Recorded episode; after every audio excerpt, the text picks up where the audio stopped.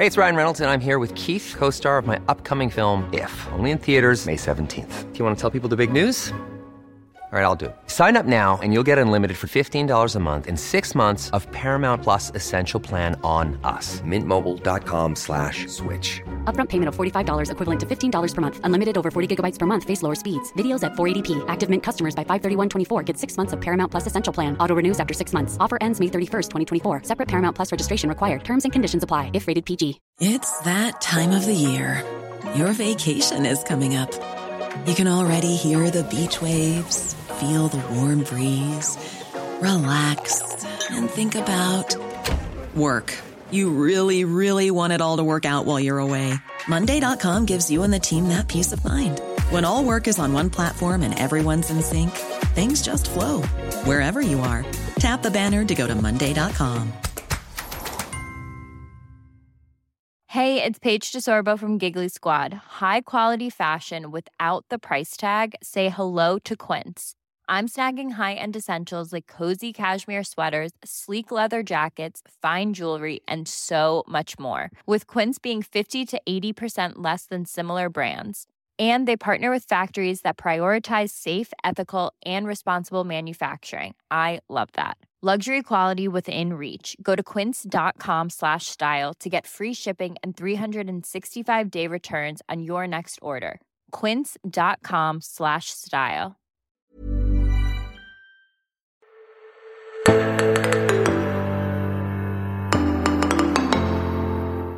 Da er Tore Hjalmar Sævik og meg sjøl, Tarjei Gilje, på plass på kontoret vårt her på Danmarksplass. Og For å begynne med et retorisk spørsmål, Tore Hjalmar. Er du en klemmer?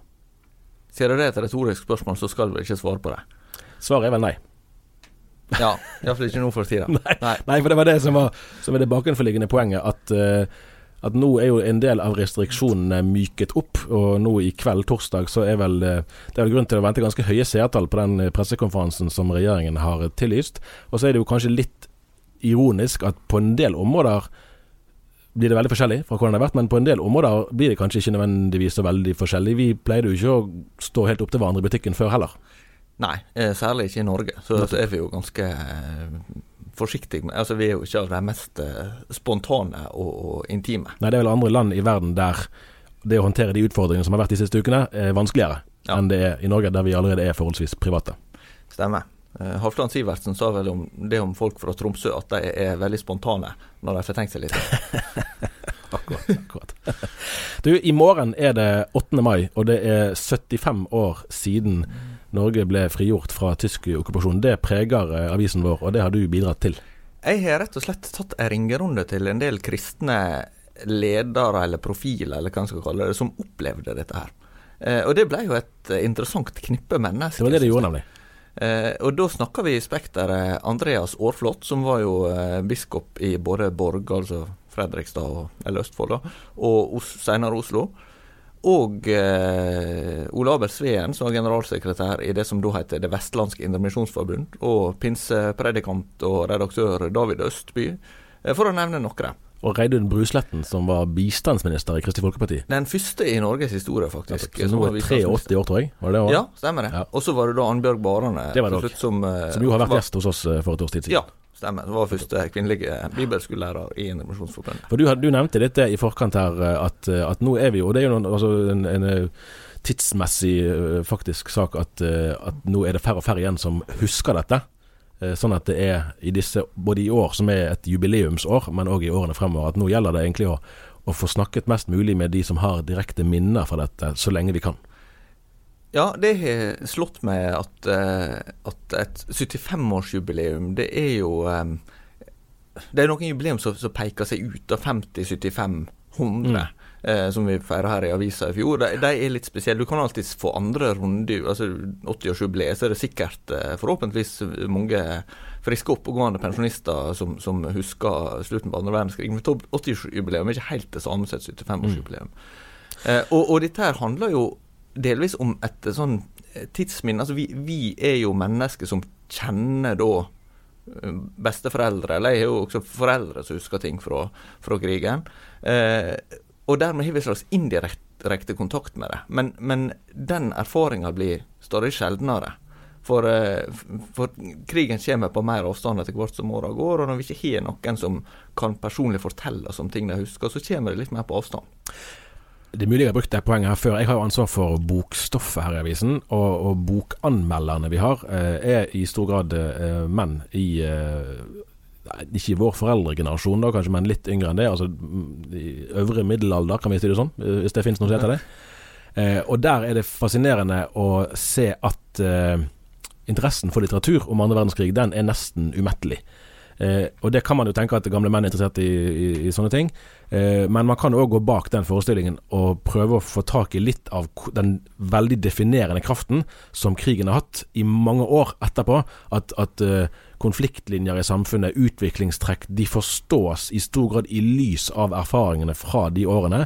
Og det er jo kanskje de perspektivene vi risikerer å miste litt. Altså Alle vet at Norge var under tysk okkupasjon noen år, men hva det innebar både i de årene og i årene før, men ikke minst i årene etter, det er det jo ikke like opplagt at man får tak i når man ikke kan snakke med folk som opplevde det sjøl. Nei, jeg, jeg, tenker bare på en sånn ting som at uh, min far ikke smakte bananer før krigen var slutt. Mm. Eh, men for, for, mine barn er jo det å ha tilgang til bananer vært helt selvsagt. Mm. Og, og, det var det for så vidt for meg også i min barndom, men, men det lå mer en sånn en bevissthet om at sånn har ikke vi alltid hatt det. Eh, som, som eh, jeg tror er, er, ganske viktig for at en, en hendelse som har vært så ja, egentlig et så sterkt tidsskille i norsk historie. Det, det, er mye mer nærværende når du har mennesker som du kjenner, som kan fortelle deg om det. Akkurat. Jeg, jeg har fortalt i avisen en gang før i 2015 om en samtale jeg hadde med min farmor, som nå døde i fjor. Eh, dette var da for fem år siden til 70-årsdagen eh, for eh, frigjøringen. Så fortalte hun, Det var første gang hun fortalte at eh, hun bodde på Minde i Bergen. og Det er sånn geografisk plassert lokalt at, eh, at, du har utsikt både nord og sør i Bergensdalen, som det kalles der. Og du ser opp mot, eh, mot fjellene på hver sin side. Så har, det er ganske mange hus da du kan, du kan se fra der hun bodde.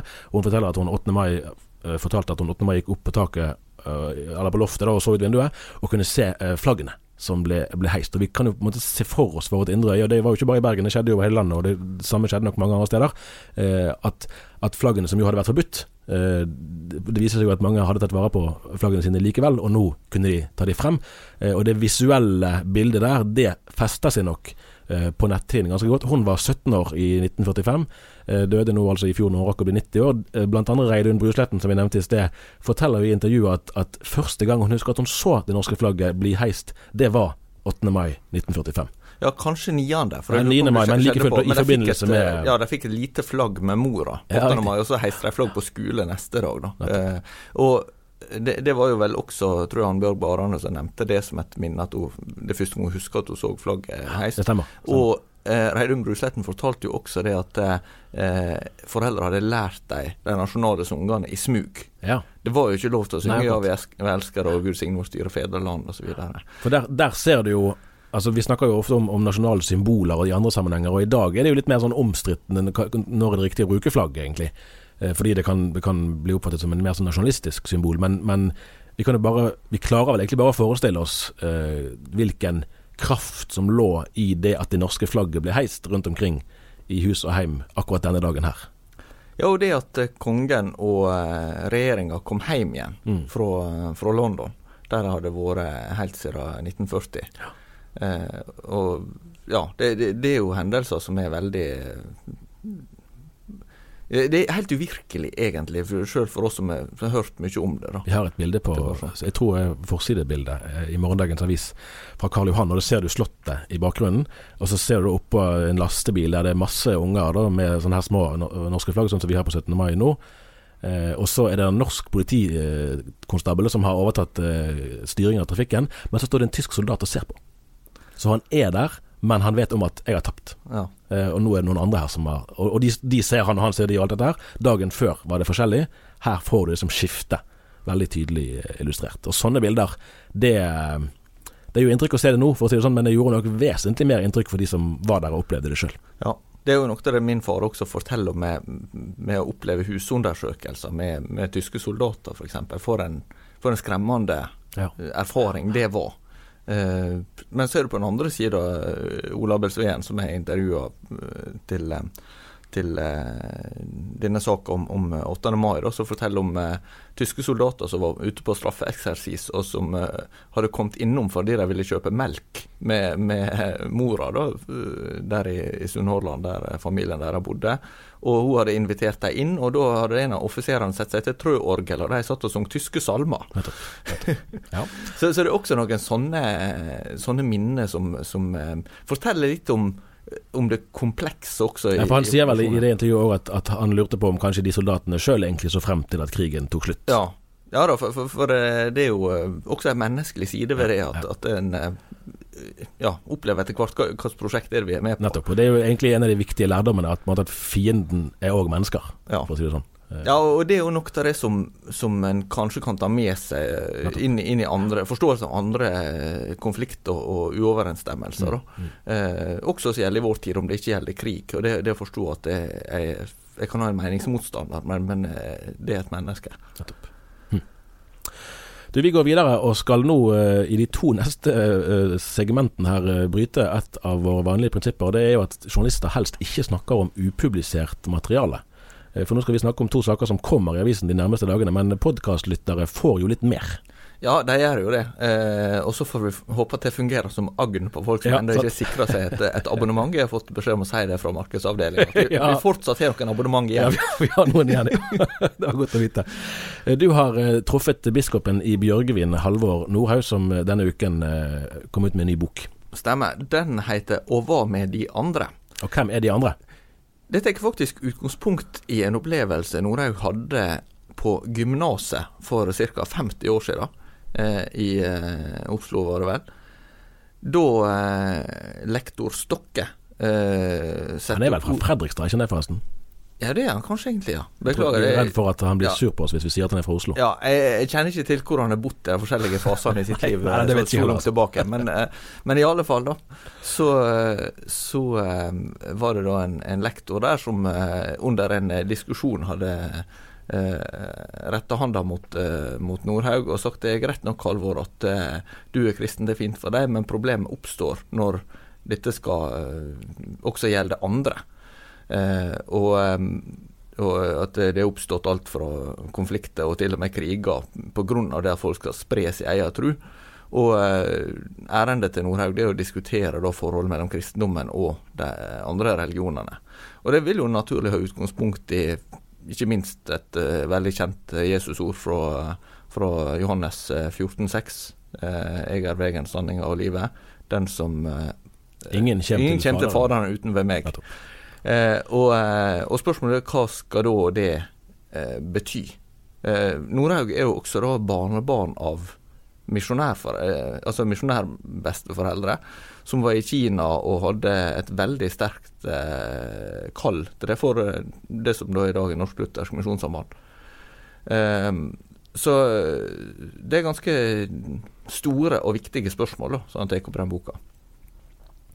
Går det an å si det som enkelt uh, om man svarer på spørsmålet? Nå har jeg ikke lest hele boka, men jeg har jo snakka med henne om, eh, om uh, tematikken.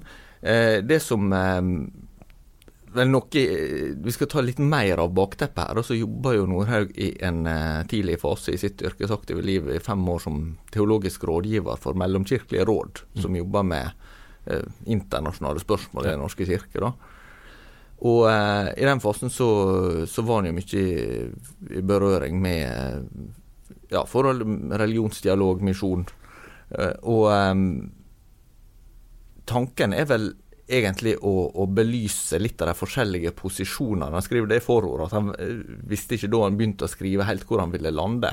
Men han, han tegna opp vel hovedsakelig tre posisjoner når det gjelder synet på misjon. Det ene det er eksklusivisme som går, vil betone da, at eh, frelsa er ved tro på Jesus Kristus, og at eh, den som ikke har fått tatt imot Jesus Kristus frelser, går fortapt. Så har du på motsatt side en pluralistisk holdning som sier at eh, ja, sett på spissen kanskje enhver er salig i sin tro.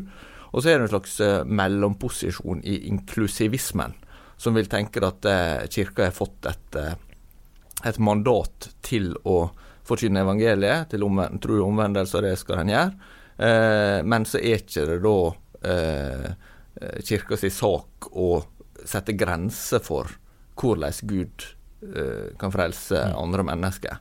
Eh, og så er det vel kanskje sånn at, eh, at eh, Norhaug setter ord på at han beveger seg fra å være en, en, eh, en mjuk eksklusivist til en eh, streng inklusivist, eh, hvis en skal si det. Altså, jeg, tror han vil betone tydelig at det er frelse eh, i Jesus Kristus. Det, det er på en måte udiskutabelt. Eh, og samtidig at han f.eks.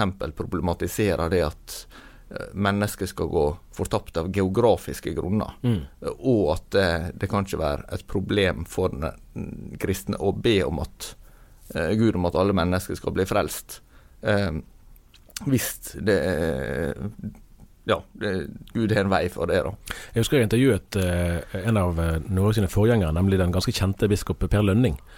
Eh, dette var etter at han var gått av som biskop, men, men eh, mens han ennå levde, da, naturligvis. Eh, og da eh, snakket vi om dette. Jeg husker, vi, Det var en ganske sånn dramatisk Vi hadde en forside Dramatisk rent typografisk, altså. Eh, eller grafisk. Eh, forside i dagen der det sto at han, at han gledet seg til dommedag. Eh, biskop Lønning. Eh, og han hadde vel en tanke der om at med, med referanse til bildet fra Johannes' åpenbaring om den store hvite flokk og alt dette, at hvis, hvis det bare er ja, 10 da, eh, i, i verden, eller 20 eller noe som, som har stått frem med en klar kristen bekjennelse, hvis det bare er de som, som blir frelst, så, jo, så står jo Gud igjen som den store taperen til slutt, hvis målet hans var at alle skulle bli frelst. Eh, og det er jo noen sånne teologiske landskaper der som, som det, Dette er vel det området som kanskje er mest utfordrende for tanken i hele tatt, da, i den kristne tro. Det sa forresten biskopen i Han hadde jo noen sånne, en sånn møteserie i Domkirken som ble avbrutt nå pga. Av, av den situasjonen vi er i. Uh, men han sa vel det i den ene av de, av de samlingene der at, eh, at uh, altså evighets, himmel og eller frelse og fortapelse, den dimensjonen, det er det vanskeligste å komme til rette med. Intellektuelt sett, da, ved, Ja, ved den kristne tro. Og jeg utfordrer han også på det med Du har jo Jesus sine ord i Bergpreika, f.eks., med den breide og den smale vei, og der Jesus også sier at uh, trang er den port, og smal er den vei som fører til til, eh, til himmelriket, eller hva ord som blir brukt der. Og, og eh, brei er den port, og brei er den vei som fører til fortapelsen. Og, eh, og, og mange er de som finner den. Eh, og så eh, har du på den andre sida, trekker Nordøy fram det med eh, ord som at Gud skal bli alt i alle, og at, eh, og at eh, Jesus sier i Matteus 19 at når, alt eller hele verden er født på ny og sånn, eh, hva, betyr, hva betyr egentlig det? Men her er jo en ja, som du sier, et, et, et veldig vanskelig landskap å gå opp i. For at det, det er jo mye av motivasjonen som har vært for, for misjonen, har vært ut fra klare eh, bibelord, sånn som jeg har forstått at eh, Jesus sier at han må, må bli forkynt. altså Det, det er gjennom tro på, på, på Jesus Kristus og, og, og, og dåp at, at mennesket kommer til liv i Gud. Eh, og at en ved å begynne å problematisere og nyansere det, så vil jo noen si ja, men hva skjer da med gløden for misjon? Er problemet i vår tid at kristne er altfor ivrige for misjon og trenger på en måte å, å, å, å eh, bli mer nyansert, eller er det egentlig mer sløvhet og likegyldighet for, eh, for misjon som er problemet? Sånn, det, den diskusjonen jeg regner med kan, kan komme i debattspaltene, for å si det sånn. Ja, det er vel, er vel sannsynlig. Og så er det jo litt interessant å fundere over altså for Du husker sikkert hvilket år det var uh, Ole, Ole Hallesby uh, holdt sin berømte, sin berømte helvetespreken Eh, Det var i 1953, 1953. fra Storsalen Eh, sendt på NRK radio. Akkurat. Ja, nettopp. Ja, og det er et viktig poeng. For den, den får jo liksom rettferdig eller urettferdig, får jo den skylden for uh, å ha stått i veien for debatt om fortapelse, egentlig i hele perioden siden.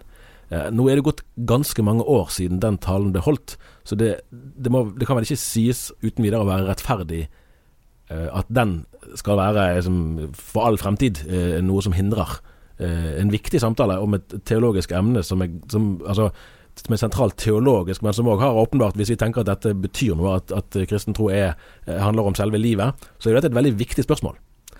Det er jo det. Eh, og eh, Hallesby sin tale har vel vært mer altså Det er jo ganske mange tror jeg, som har hatt sterke meninger om den uten nødvendigvis å ha hørt den.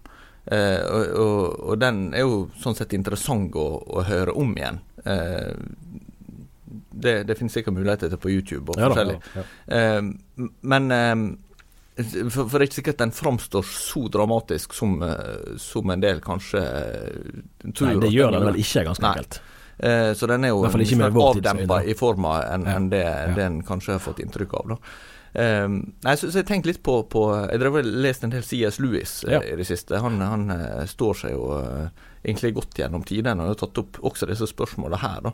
Han setter det helt på spissen en gang sånn og, og sier at eh, frelse er når mennesket sier til Gud 'skje din vilje', og fortapelse er når Gud sier til mennesket 'skje din vilje'. Men her er vi jo inne på, på spørsmål som, som er veldig sånn um, De har så mange dimensjoner i seg, fordi det, det dreier seg om å, om å ta, ta fylde av, av Bibelen på alvor, og ta lærdom fra, fra kirkehistorie på alvor, og, og samtidig greie å være sjelesørgerisk i møte med eh, ja, å kommunisere med sin egen samtid, da, i, best forstand. Nettopp. nettopp. For det er jo eh, Altså Det er jo noe sånn historisk urettferdig i det at man kan F.eks. her, da, så, så havner man jo fort i referanser til, til, sant, til Dantes Inferno og til voldsomme skildringer av flammer og det ene og det andre. Eh, og opplever at ja, gjennom historien så har læren om fortapelse blitt brukt til alt mulig fra kristne eller fra kirken. Så nå må vi, nå må vi ligge lavt. Eh, og det kan jo være forståelig inntil et visst punkt, men så kommer det jo til, til et punkt der du må si at ja, det har skjedd mye rart i historien som vi ikke i dag vil identifisere oss med, men det kan ikke hindre oss fra å ha vanskelige og viktige samtaler. Og den skal vel eh, Nordhaug ha, da, om man er helt enig eller helt uenig i innholdet i boken, at det er, dette er en samtale som burde engasjere flere i, i kristne og kirkelig sammenheng. Det burde det være, være enighet om, tror jeg. Og så, så er det jo også noe med at saken i sin natur er jo sånn at det, eh, samme hva, hva mennesket måtte mene, så er det jo ikke mennesket som eh, til sjuende og sist sitter med myndighet over det. Eh, jeg mener jo det ble referert da på 50-tallet i forbindelse med med Hallesby sin si preik at eh, Arbeiderpartiet i Oppland, eller nei, Hedmark kanskje, eh, som hadde vedtatt en eller annen uttalelse om at, eh, som at eh, dette ikke var noe en kunne, kunne tro på lenger. Sånn så hadde Oddvar Nordli, som senere ble statsminister, i ettertankens klare lys eh, erkjent at en sånn uttalelse neppe hadde særlig innvirkning på sakens realiteter. Nei, jeg lurer på, for jeg, jeg tror Inge Lønne, som jo var både professor i teologi og stortingsrepresentant for Høyre, refererte fra en, en lurer på om det var, det var kanskje samme eller kanskje lurer på om det var tidligere. I hvert fall så hadde det var en sånn fotnote i et stortingsvedtak at det var noe om at menneskets evige skjebne måtte antas å ligge utenfor det man kunne da med virkning eh, bestemme seg for i parlamentariske flertallsvedtak. Ja. Eh, Det er jo et vesentlig poeng. Ja, og, det er jo noe av det som jeg, tenker også blir ganske viktig da, i en sånn samtale som dette her, at vi, vi blir faktisk nødt til å si at det, hva, hva vi skal, skal tro om det, må, må være en overbevisningssak ut fra vi, hva vi faktisk kan slutte at, at Gud har vist oss. da. Eh, så, så- sånn at det, at det blir litt sånn eh, et grunnpremiss eh, for at en sånn samtale skal være, være meningsfull på et vis. Vi fikk jo opp litt uh, lyd fra nordiske mediedager fra telefonen min her, som jeg har sett litt på tidligere i dag. Det var for så vidt et uhell, men det var fordi at jeg skulle prøve å sjekke noen fødselsdatoer. Blant annet så ser jeg jo at, eh, at eh, den nevnte biskop Nordhaug er altså Han er fylt 67 år, og det var ca. det jeg trodde. men Vi må ikke tulle med tall. Så det er jo litt sånn fint, syns jeg, å se at han For nå, altså der, Han har jo nærmer seg jo åpenbart slutten av sin bispegjerning her i Bjørgvin, som har vært i drøyt ti år. Og, da, og da har man jo kanskje etter hvert litt sånn behov for å, å få gjort mest mulig den tiden man, man har en sånn uh, talerstol som man har. Uh, det, denne boken er nok, eh, tror jeg, et bidrag til, til det. At virkelig, dette er viktig for han at, at vi snakker om. Og så syns jeg det var fint å trekke frem uh, Det har jeg nevnt før, jeg så på påskenattsgudstjenesten fra domkirken her på påskeaften, da, der han talte. Og veldig flott snakket om den oppstandende om Jesus som brøt dødens lenker, og om at egentlig hver dag er en påskedag, fordi det er sant hver dag at Jesus sto opp fra de døde. Og Det vil jo, uavhengig av, av eh, hvilken, hvilken, eh, hvor man lander i disse tre kategoriene som han nevnte tidligere, så er det jo det som er kirkens positive budskap. At det finnes frelse tilgjengelig. Eh, og, det, og det kan man jo frimodig løfte frem uansett. På NLA-høgskolen gir vi deg utdanning med mening. Og samfunnet trenger både sannhetssøkende journalister, kloke pedagoger, etisk bevisste økonomer og musikere som berører. Sjekk ut NLA-høgskolens studietilbud på nla.no, eller besøk et av våre studiesteder i Bergen, Kristiansand eller Oslo. Det siste vi skal snakke om i dag, det er den siste vi skal snakke om i dag, rettere sagt, det er Svein eh, Ellingsen. Eh, det er jo ikke sikkert at alle lytterne våre vet så veldig mye om han eh, fra før, men det skal vi nå gjøre noe med.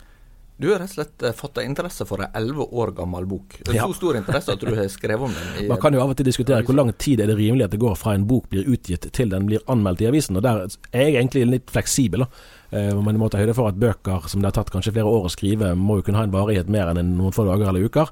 Det er ikke hver dag at vi anmelder bøker som er elleve år gamle, så derfor har jeg kalt det for omtale og ikke anmeldelse. Det kommer i avisen, papiravisen på, på mandag. Eh, utgangspunktet er jo at Svein Ellingsen, som er den som har flest salmer i salmeboken, eh, han døde på palmesøndag, 90 år gammel drøyt det. Uh, og har satt sterke spor etter seg. Man kan vel si det så enkelt, og det gjør Eivind Skeie i den boken, er han som har skrevet boken, at det blir vel knapt arrangert en gudstjeneste i Den norske kirke uh, uten at en av Ellingsen sine mange salmer blir sunget. Og Ellingsen hadde et uh, liv som på mange måter var prega av vanskeligheter. Ja, han hadde det. ikke først og fremst sånn materielt vanskelig, i hvert fall i den første fasen av livet. Uh, han vokste opp uh, under kår som var vanskeligere enn vi er vant med. Det var det jo mange som gjorde. Men han kaller seg sjøl på et tidspunkt i boken for et overfølsomt barn. opplevde det vi vil kunne kalle mobbing og utenforskap. Han var egentlig skoleflink, men det var sånn paradoksalt at man hadde jo sånn egalitær tenkning, så han skulle helst legge skjul på hvor flink han var til å lese. Det skulle ikke de andre elevene få vite, for de skulle lære i lik utvikling. Så det var åpenbart at, at hans sterke egenskaper ble ikke fremelsket, mens det som han strevde mer med, det ble til gjengjeld veldig synlig. Eh, og Seinere, opp i 20-årene, så hadde han en periode med, med flere altså innleggelser på psykiatrisk eh, avdeling og ganske store eh, psykiske vanskeligheter, som ikke forlot han egentlig, eh, selv om det var mesteparten av livet hadde han det ikke så tungt. Men der, der altså smerte er det ordet som helt desidert er brukt flest ganger i, i salmeteksten hans. Og det, det, Han har nok med seg en bagasje der som på en måte preger han gjennom, gjennom livet, og det, det tilfører jo eh, salmene en egen nerve. Men hva, hva det som gjør at du syns Ellingsen var altså, Naturlig nok i forbindelse med dødsfall mm. Eh, gir du det anledning til å, til å, å skrive om, men hva, hva som gjorde at du, eh, du valgte å bruke såpass mye tid og krefter på det nå? Ja, Det har nok litt å gjøre med en større forståelse for salmenes eh, betydning. Det var tankevekkende når NRK hadde sin De hadde en sånn salmemaraton. Eh, nå har jeg glemt når det var i 2014 eller 2015, der de sendte jo hele, hele salmeboken ble sunget. Eh, og Da var det faren til en kamerat av meg som sa at, eh, at mange i hans generasjon nok har et nærmere forhold til salmeboken enn til Bibelen. Det er det vel kanskje ikke så mange som kan si eh, lenger nå, men det sier likevel noe om hvor viktig salmeteksten har vært som en sånn eh, tolkningsnøkkel eller en hjelp til å forstå eh, både livet og til å forstå eh, Gud, eh, så langt som vi er i stand eh, til det. Og så står jo dette til en viss grad i kontrast til både den lavkirkelige sangtradisjonen, men ikke minst til den moderne lovsangstradisjonen, som, som tematisk og stilmessig og på mange måter har en mye snevrere horisont. Og så Jeg syns det er interessant å lese både om og av Ellingsen. Eh, med det som bakteppe. Eh, at det er en helt annen klangbunn, en helt annen nerve og dybde i tekstene eh, enn det som preger mye av det som blir sunget i dag. Det er viktig, som, som flere har påpekt, som bl.a. Arvid Pettersen påpekte, som var her for noen uker siden, at, at, at, dette er ikke en kamp mot lovsang. Eh, og lovsang er jo en, absolutt en del av repertoaret òg til Ellingsen, men det er grunn til å advare hvis lovsang blir det eneste repertoaret eh, man har i den kristne gudstjenesten. Eh, og for eksempel, altså jeg, jeg, sa jo i sted at, at, han ikke hadde vel, altså det, at vanskelighetene hans i stor grad var på et indre plan. Ja, for, for du, du, er litt opptatt av han, hva er kunstnersjel, og, og ja. at det, det handler nok om den eh, kanskje sansen for det komplekse, mm. motsigelsesfylte og, og, det eh, litt sånn uutgrunnelige i livet. Ja. Og også at salmene skulle romme det at ting ikke var så lett å få til å gå opp i et skjema. Riktig. Og Det er jo en, en utfordring som jeg dveler litt ved i teksten som jeg skriver. At, uh, for Der beskriver Eivind Skeide som at Ellingsen var først aktiv i lagsbevegelsen i sin ungdom. Etter hvert opplevde han at rommet der ble for trangt. At han, Det var ikke rom for å tenke de tankene som han tenkte, og gjerne stille de spørsmålene som han stilte. Så han gikk over til Studentforbundet. Uh, og det, det, kan jo, Man kan jo være enig eller uenig i, i det valget, men jeg syns det er verdt å fundere over. For én ting er at man at man kommer til ulike teologiske ståsteder. Det må man jo behandle på en redelig og respektfull og ordentlig og saksvarende måte. Eh, men så er det jo likevel et spørsmål om, om, om det nødvendigvis er kun det som gjør at noen skifter beite. Eh, hvis de opplever at, eh, at det er mer rom for å være sann og ekte og ærlig i en leir, så er det ikke sikkert at det nødvendigvis hadde vært nødvendig å gå hele den veien. Det kunne være man kunne blitt værende der man var, hvis man bare opplevde at det gikk an å ha en ærlig samtale om vanskelige spørsmål. Inntrykket mitt har vært også at du kanskje skal si det litt enkelt, at altså, Studentforbundet er jo etter hvert blitt kjent som, som den mest eh, liberale, mm. nesten kristne organisasjonen vi har i Norge ja. i det hele tatt. Og den eh, lagsbevegelsen, Norges kristelige student- og skole- og ungdomslag, oppsto jo pga. et brudd i Studentforbundet på mm. 20-tallet, tror jeg. Ja. Så er det, både, det er viktig å si at både laget og Studentforbundet anno 2020 er ganske forskjellig fra Ja, det var, var det jeg mente. For mitt ja. inntrykk er jo at i, i perioder iallfall, så har det vært kanskje en forskjell som har gått vel så mye på det at laget har vært lavkirkelig, mm. og Studentforbundet har vært prega av mer høykirkelig ja. eh, tradisjon. Da, som kanskje også har vært mer sånn høgkulturelt på en måte ja. som, som uh, en type som Ellingsen muligens uh, fant mer ja. interessant. Ja, det kan du nok si. Og så er det, jeg, jeg sa at, han, at uh, vanskelighetene i, i, stor grad var på et, et indre plan. Da må vi òg si, som en viktig del sant, av hans livsfortelling, at det er sikkert mange som har vært med å synge den dåpssalmen 'Fylt av glede over livets under'. og Den salmen kan man synge med tilslutning og, og glede seg over den. Og så blir opplevelsen av salmen enda en del sterkere når man vet om at, at kanskje et bunnpunkt antagelig i Ellingses liv var når hans datter Margrethe i en alder av jeg tror hun har vært ca. seks år, eh, ble påkjørt og drept i det som var en helt sånn eh, en ulykke, en ren ulykke. Det var ingen som kunne lastes for det, men hun ble påkjørt på vei, hun skulle krysse en vei etter å ha fått noen epler av noen venner. Eh, og så ble da salmen skrevet i forbindelse med dåpen til hennes bror, som da ble født et års tid senere. Og Da skjønner man jo at, at klangbunnen bak de, eller det som bakteppet for de ordene som teksten inneholder, eh, blir en helt annen når man kjenner historien. Og Sånn er det jo ofte med, med mange av de sterkeste salmene og sangene vi har, at de har òg sterke historier bak. Og den nerven er ikke alltid like lett å få øye på da, eh, i en del av de sangene som blir laget i vår tid.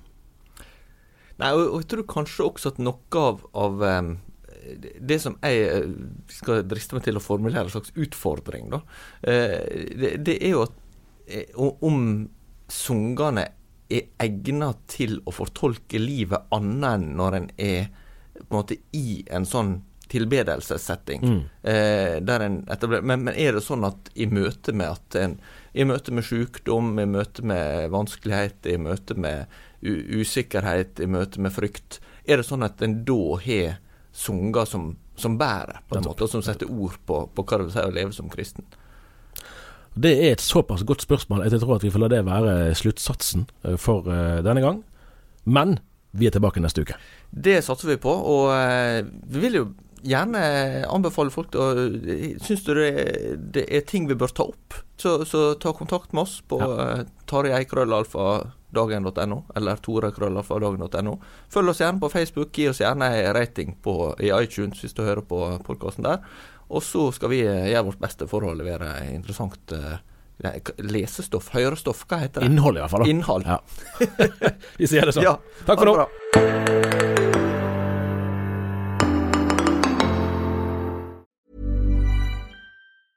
Planning for your next trip? Elevate your travel style with Quince. Quince has all the jet setting essentials you'll want for your next getaway, like European linen, premium luggage options, buttery soft Italian leather bags, and so much more. And is all priced at 50 to 80% less than similar brands. Plus, Quince only works with factories that use safe and ethical manufacturing practices. Pack your bags with high-quality essentials you'll be wearing for vacations to come with Quince. Go to quince.com/pack for free shipping and 365-day returns. Planning for your next trip? Elevate your travel style with Quince. Quince has all the jet setting essentials you'll want for your next getaway, like European linen, premium luggage options, buttery soft Italian leather bags, and so much more. And is all priced at 50 to 80% less than similar brands. Plus, Quince only works with factories that use safe and ethical manufacturing practices. Pack your bags with high-quality essentials you'll be wearing for vacations to come with Quince. Go to quince.com/pack for free shipping and 365-day returns. When you make decisions for your company, you look for the no-brainers. And if you have a lot of mailing to do, stamps.com is the ultimate no-brainer. It streamlines your processes to make your business more efficient, which makes you less busy. Mail checks, invoices, legal documents, and everything you need to keep your business running with Stamps.com. Seamlessly connect with every major marketplace and shopping cart. Schedule package pickups and see your cheapest and fastest shipping options from different carriers, with rates up to 89% off USPS and UPS rates. And with the Stamps.com mobile app, you can take care of mailing and shipping wherever you are. Make the same no-brainer decision as over 1 million other businesses with Stamps.com. Sign up with Code PROGRAM for a four-week trial, plus free postage and a free digital scale. No long-term commitments or contracts. That's Stamps.com. Code PROGRAM.